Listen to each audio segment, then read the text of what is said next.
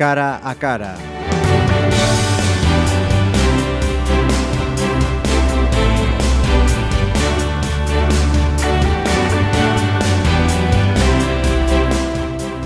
Saludos, gracias eh, por estar en este cara a cara, un programa que vamos a dedicar esta vez a um, un documental que se presenta abriendo teléfonos y anotando en las agendas. Viernes 21, 8 de la tarde, Teatro Principal.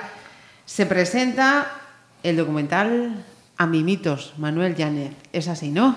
Sí, efectivamente, la Mimitos.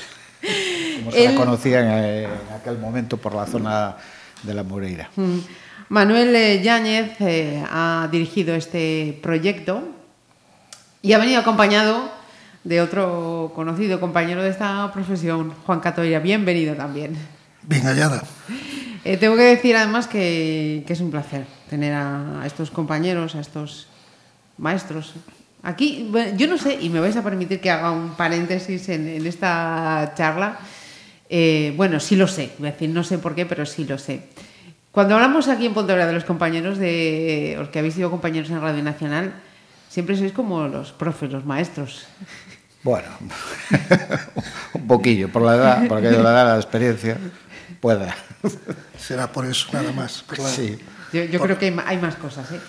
Eh, pues por eso, que es un, es un placer teneros. Mira, eh, hasta donde yo sé, este proyecto había surgido de, de una charla que, que, habías tenido con, con, Sabino Torres, hablando de su libro As tres columnas.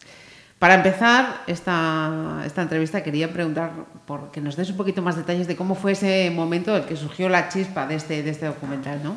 Bueno, pues eh, con Sabino te, tuvimos una charla en el Moderno que él la solía hacer con compañeros de prensa, también escritores, y bueno, nos contaba esas historias que estaban reflejadas en el libro de las tres columnas, que, que en realidad es la historia de la Mureira, esa historia que está ahí un poco oculta en la memoria de Pontevedra y que se hablaba mucho de ella, pero que en realidad, como dice él, no se hablaba mmm, libremente.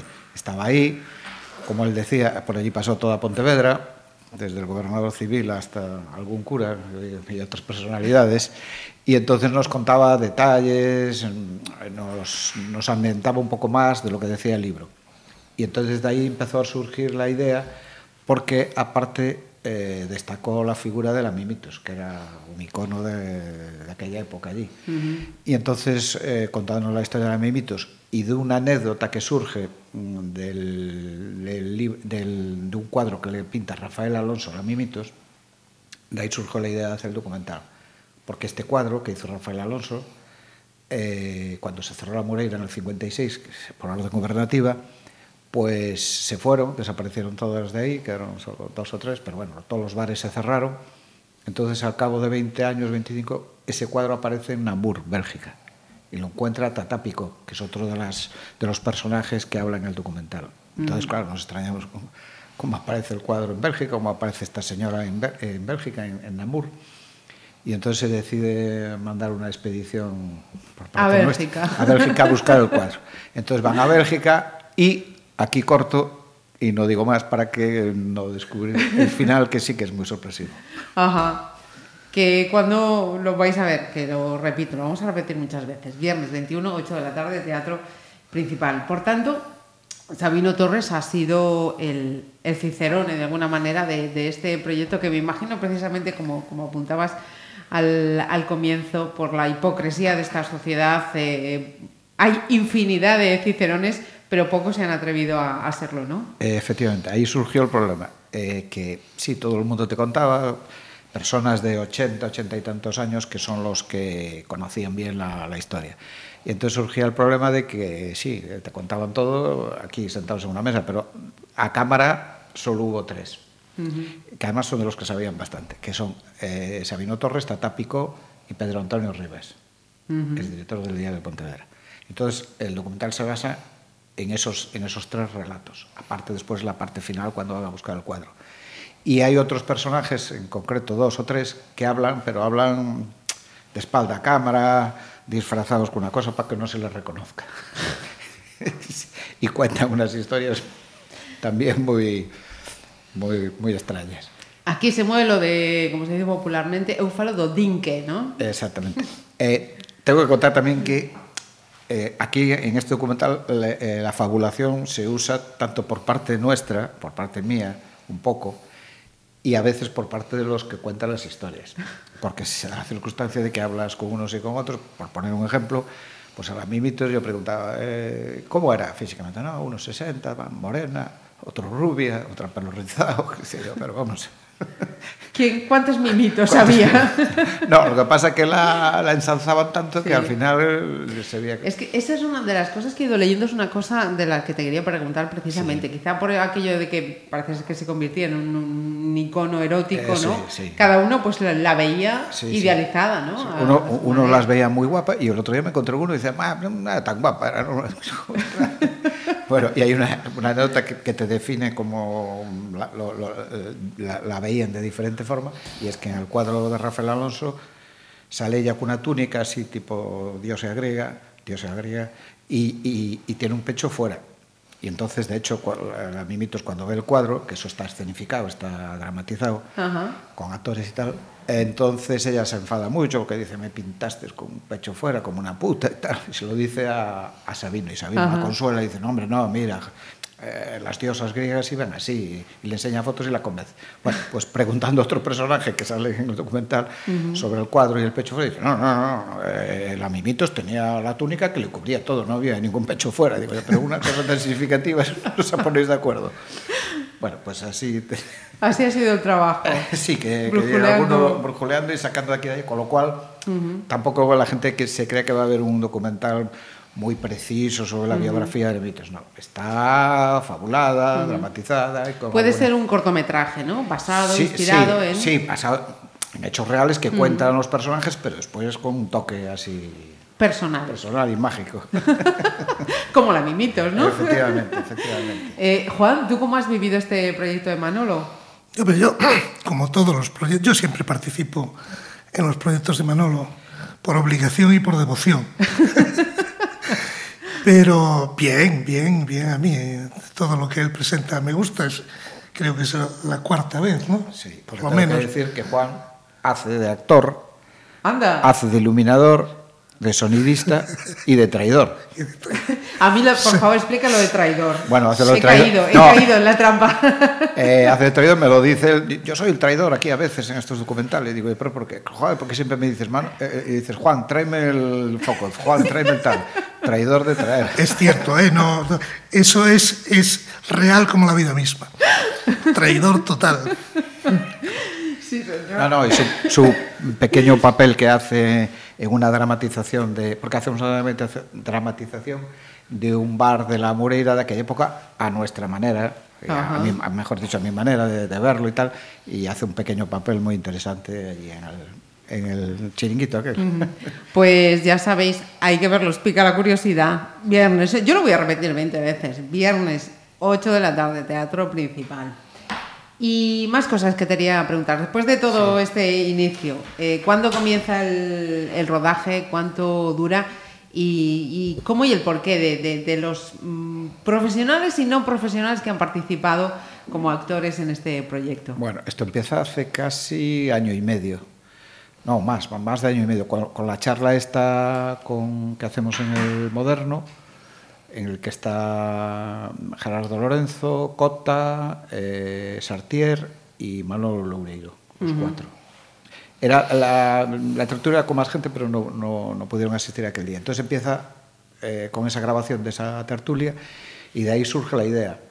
Entonces dijimos, bueno, pues esto hay que empezar a buscar, como, y como se da la, la, idea de ir a buscar el cuadro, bueno, pues lo vamos preparando, entonces voy entrevistando a más gente, busco, eso lo que decía, gente que pudiese contar un poquito más para, para ir ampliando, ampliando y dándole y tal. Exactamente. Contenido. Entonces va a pasar el tiempo, conseguimos entrevistar a Tata Pico, que era casi pieza fundamental, porque si, si, lo del cuadro no podíamos hacerlo si él no nos cuenta cómo encontró el cuadro. -huh. Y entonces con, lo convencimos y por desgracia al cabo de tres meses o cuatro se murió. Uh -huh. Y entonces conseguimos que nos contara toda la historia del cuadro.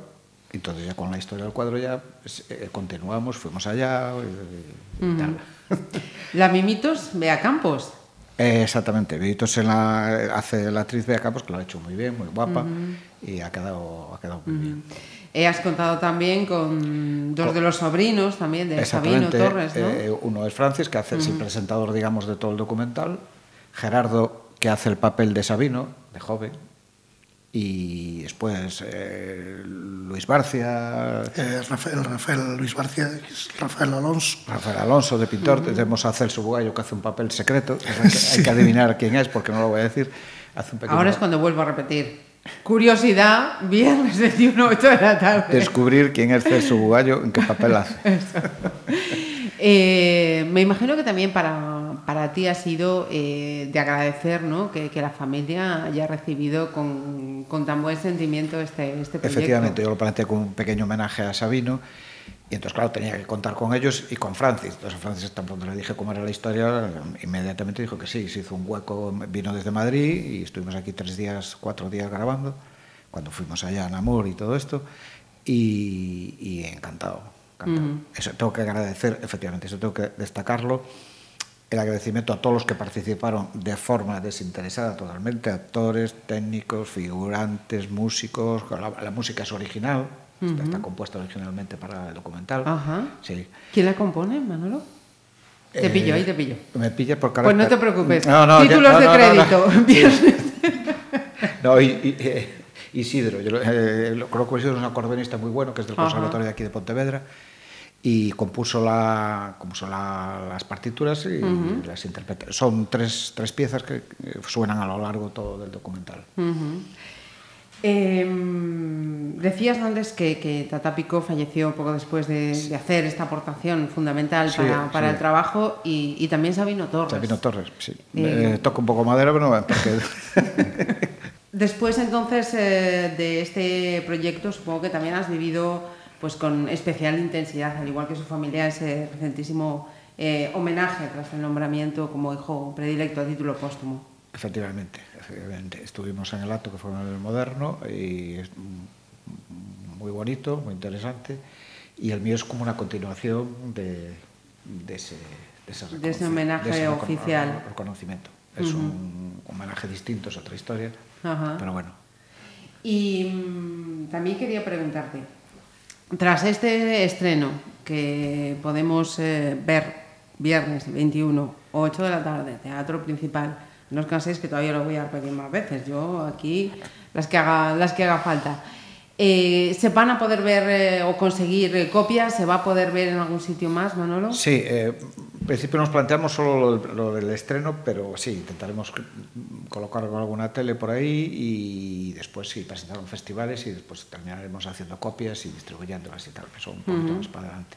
Ajá. Sí, pero esa es la idea, de que lo pueda ver el máximo de gente posible, uh -huh. ya sea a través de una televisión o, o, como a través de distribución de internet, o todo, como ahora por internet se distribuye todo, pues uh -huh. mira, se termina colocando a internet. Uh -huh. De, de, todo este chollo, vamos a ponerlo así entre comillas, sí, que te has metido. Eh, ¿Cuál ha sido la parte más gratificante y la que te ha resultado más complicada? Uy, complicado fueron los, los tres últimos eh, días que rodamos todo seguido, toda la parte de, de Francis, que fue un ajetreo y un estrés, porque teníamos que no, no, no, no, ocuparle muchos días a Francis y entonces lo comprimimos todo, toda, toda esa parte. Y entonces eso fue lo más interesante, pero también fue gratificante. Lo otro lo hicimos con mucha calma, todas las entrevistas, un, al cabo de un mes otra, después la entrevista a otro, eh, los gags que hay por el medio, filmaciones de exteriores, eso lo fuimos haciendo con mucha calma, porque uh -huh. al final año y medio, llevamos con esto más o menos, sí, sí. año y medio. Y al final de ver que todo salió como más o menos queríamos y tal. Si le gusta a la gente es otra cosa, pero bueno. yo lo que hice era lo que quería. No, no, me cabe ninguna duda. Y no resultó complicado, eh, porque claro, la Moureira de los años 50 nada tiene que ver con la Moureira de, de ahora. Sí, eh, recurrimos un poco a las fotografías y a aficionarlo pues como pudimos. Uh -huh. es decir, el bar que, que recreamos, pues bueno, es un otro bar que hay aquí en Pontevedra, es la, la cueva de Cris, uh -huh. y lo transformamos un poco y entonces lo, lo realizamos a nuestra manera, que no, que no será muy parecido a como era en aquella época. Bueno, pues los músicos Pero como no hay muchos dispuestos a llevarte la contraria, al menos públicamente. Efectivamente. Pues Fue una visión un poco mía así diferente de cómo sería el bar aquel. Pero bueno, más o menos sería así. sí. Mm. Y tú, Juan, para ti, ¿qué, qué ha sido lo más gratificante, lo más complicado de todos estos meses de, de trabajo en este proyecto de Manolo? No, complicado nada, en absoluto. Y gratificante todo. Pero quizá lo que, lo que apuntaba ahora Manolo, de los últimos días de rodaje, que fueron tan bonitos y tan intensos, eh, fue lo- lógicamente lo más difícil, ¿no? Ahí echando humo. Echando- No, porque la, echando es humo una literal. escena corta. sí. En realidad es una escena corta, que es la del bar este de la Morera, y como allí había pues siete pilinguis y otros tantos o diez clientes, doce, follón, la orquesta, y aquí coordinar toda aquella escena, pues resultó un poco Tenía su enjundia. Tenía su, tenía su complicación. Y, y había mucho espectador por allí también, entonces eh, se lió bastante la historia para una escena corta, vamos, pero bueno, quedó bien, quedó bien. Ajá. ¿Y hablamos de pasta o está mal visto? Eh, Pasta, pues palmé una pasta, pero bueno, a ver cómo la recuperaré, ya veremos. Bueno, hay que decir Hay que decir que efectivamente no cobró nadie nada y por eso digo el agradecimiento, si, si no era imposible hacerlo. Lo el, rodaje en Namur es real, ¿eh? no, no, es, no es ficticio. Se fue a hacer exteriores a Namur, Ajá. porque la productora Lo permitía. Ese, ese fue, ese fue el gasto mayor. Pero sí, sí, es, sí es real, o sea, Sí, allí se fue. allí se fue a Namur a filmar. Pero no vamos a decir más cosas. Nada más, no, la nada sorpresa es importante. Una cosa más, y antes de, de terminar, porque no queremos eh, desvelar, la trama está, está ahí. eh, recomendamos entonces que la gente haga deberes o sugerimos, no, no, aquí no vamos a obligar a nadie, que se lean las tres columnas y así van ya perfectamente contextualizados para la visión del, del documental. Y lo que sí os voy a pedir antes de terminar, eh, el último empujón, que el director y el traidor convenzan, convenzan a quienes nos están escuchando para que vayan a ver este, este proyecto. Yo desde luego no, no voy a faltar, lo tengo clarísimo. Pues efectivamente, que vayan a ver por este documental, porque bueno, pues ya, ya digo, va a haber una historia de Pontevedra que, que no se cuenta mucho, está con un cierto sentido del humor, eso sí, respetando a, a to- a esa gente que estuvo ahí, a esas prostitutas que estaban ahí, que bastante mal lo pasaron y bastante difícil Lo tenían. eh, lo tenían en esa época, pero con respeto a ellas, pero con pequeño sentido del humor, con el detalle del cuadro y todo esto, pues un- no, no lo dramatizamos, vamos. Bastante dramático, ¿no? Bastante Era- dramático era ya- Efectivamente. personalmente. Y Juan, tú porque dices, oye, que hay que llenar el principal. Bueno, pues el principal, por supuesto, se va a llenar. No hay, eso, de eso no tenemos, Eso no tenéis ninguna tenemos duda. ninguna duda. Eh, por la misma razón que, que dice Manolo, es una historia de Pontevedra, de, de una parte y de una época de Pontevedra que eh, algunos vivieron, a mí, lógicamente a nosotros por edad no, no, éramos muy niños y no nos tocó vivir, pero que refleja muy bien el- la idiosincrasia o el, el sentir del, del pontevedrés, sobre todo esa zona, la zona del Arrabal, la zona de la Moureira, es el origen de Pontevedra. Pontevedra nace allí. Sí, sí. Y, y entonces nosotros, hombre, reflejamos una parte muy, muy, muy pequeña, muy pequeña. Pero sí tuvo, sí tuvo, sí tuvo mucho, mucho interés y mucho que ver. Decía Sabino, una anécdota que cuenta mientras estábamos rodando, uno de los cuadros que están en el moderno, en el Salón Grande, Ajá. era una prostituta de la, de la Moureira. ¿Por qué? Porque los pintores, si querían modelos, en aquella, aquella época no había modelos, y había que irse a, Tenían que recurrir Claro, a era que las- recurrir a, a las a esta, a gente. Entonces, toda, toda esa, esos, esos pequeños detalles, esa historia es, es la, la parte más interesante y más... Exactamente. Eh, De hecho, tiene el nombre. En el documental sale, Sabino sale señalando la- a la prostituta esta, está en el cuadro del moderno. Y tengo que decir que aquí contamos una parte, dentro de lo que cuentan, pero hay una parte mucho más, incluso, digamos, dramática, que tuve que censurarla porque hay cosas que no se puede contar. De personajes de Pontevedra y prostitutas de aquella época, que, bueno, que aún sus familias son viven y no vamos a ponernos a contar mm. historias, tal, pero sí que tienen unas historias bastante truculentas. Lo que hay que dejar claro que el tratamiento, o sea, estamos hablando de prostitutas, sin embargo, aquí el tratamiento es totalmente humano, o sea, mm. nosotros nos, eh, no utilizamos esa, esa, de una forma peyorativa, sino sí, todo sí. lo contrario, mm -hmm. sino mostramos la parte y el lado humano de, de esa gente que tuvo por, por necesidades de la vida, que hoy continúa, que no, no ha Sí, sí, cambiado, sí. no ha cambiado absolutamente nada, pero mm, eh, prete- pretendemos mostrar precisamente el lado humano. Ni más eh, ni Y, y menos. la mentalidad de, de esta gente en aquella época, claro, uno se va, no, a escandalizar, pero decir, joder, pero como tenían esa visión, bueno, pues la visión que había en el año 40 y tantos, 50, de la gente y su relación con las prostitutas, pero era así, y así lo Que cuentan. sigue el lastre Sí. todavía a día de hoy. No había, no había- lo que está claro es que no había televisión, había que ir a algún sitio, Iban- ni WhatsApp. Y ni WhatsApp, efectivamente, efectivamente. Pues eh, Manolo Yáñez, Juan Catoira, de verdad, de verdad, muchísimas gracias y el viernes 21 nos volvemos a ver. Ya, yo creo que ya, ya la gente que lo está escuchando dice que sí, que sí, a las 8 en el principal. Pues eso, nos vemos el viernes a las 8 en el Teatro Principal. Muchísimas gracias. Muy bien, muchas gracias a ti.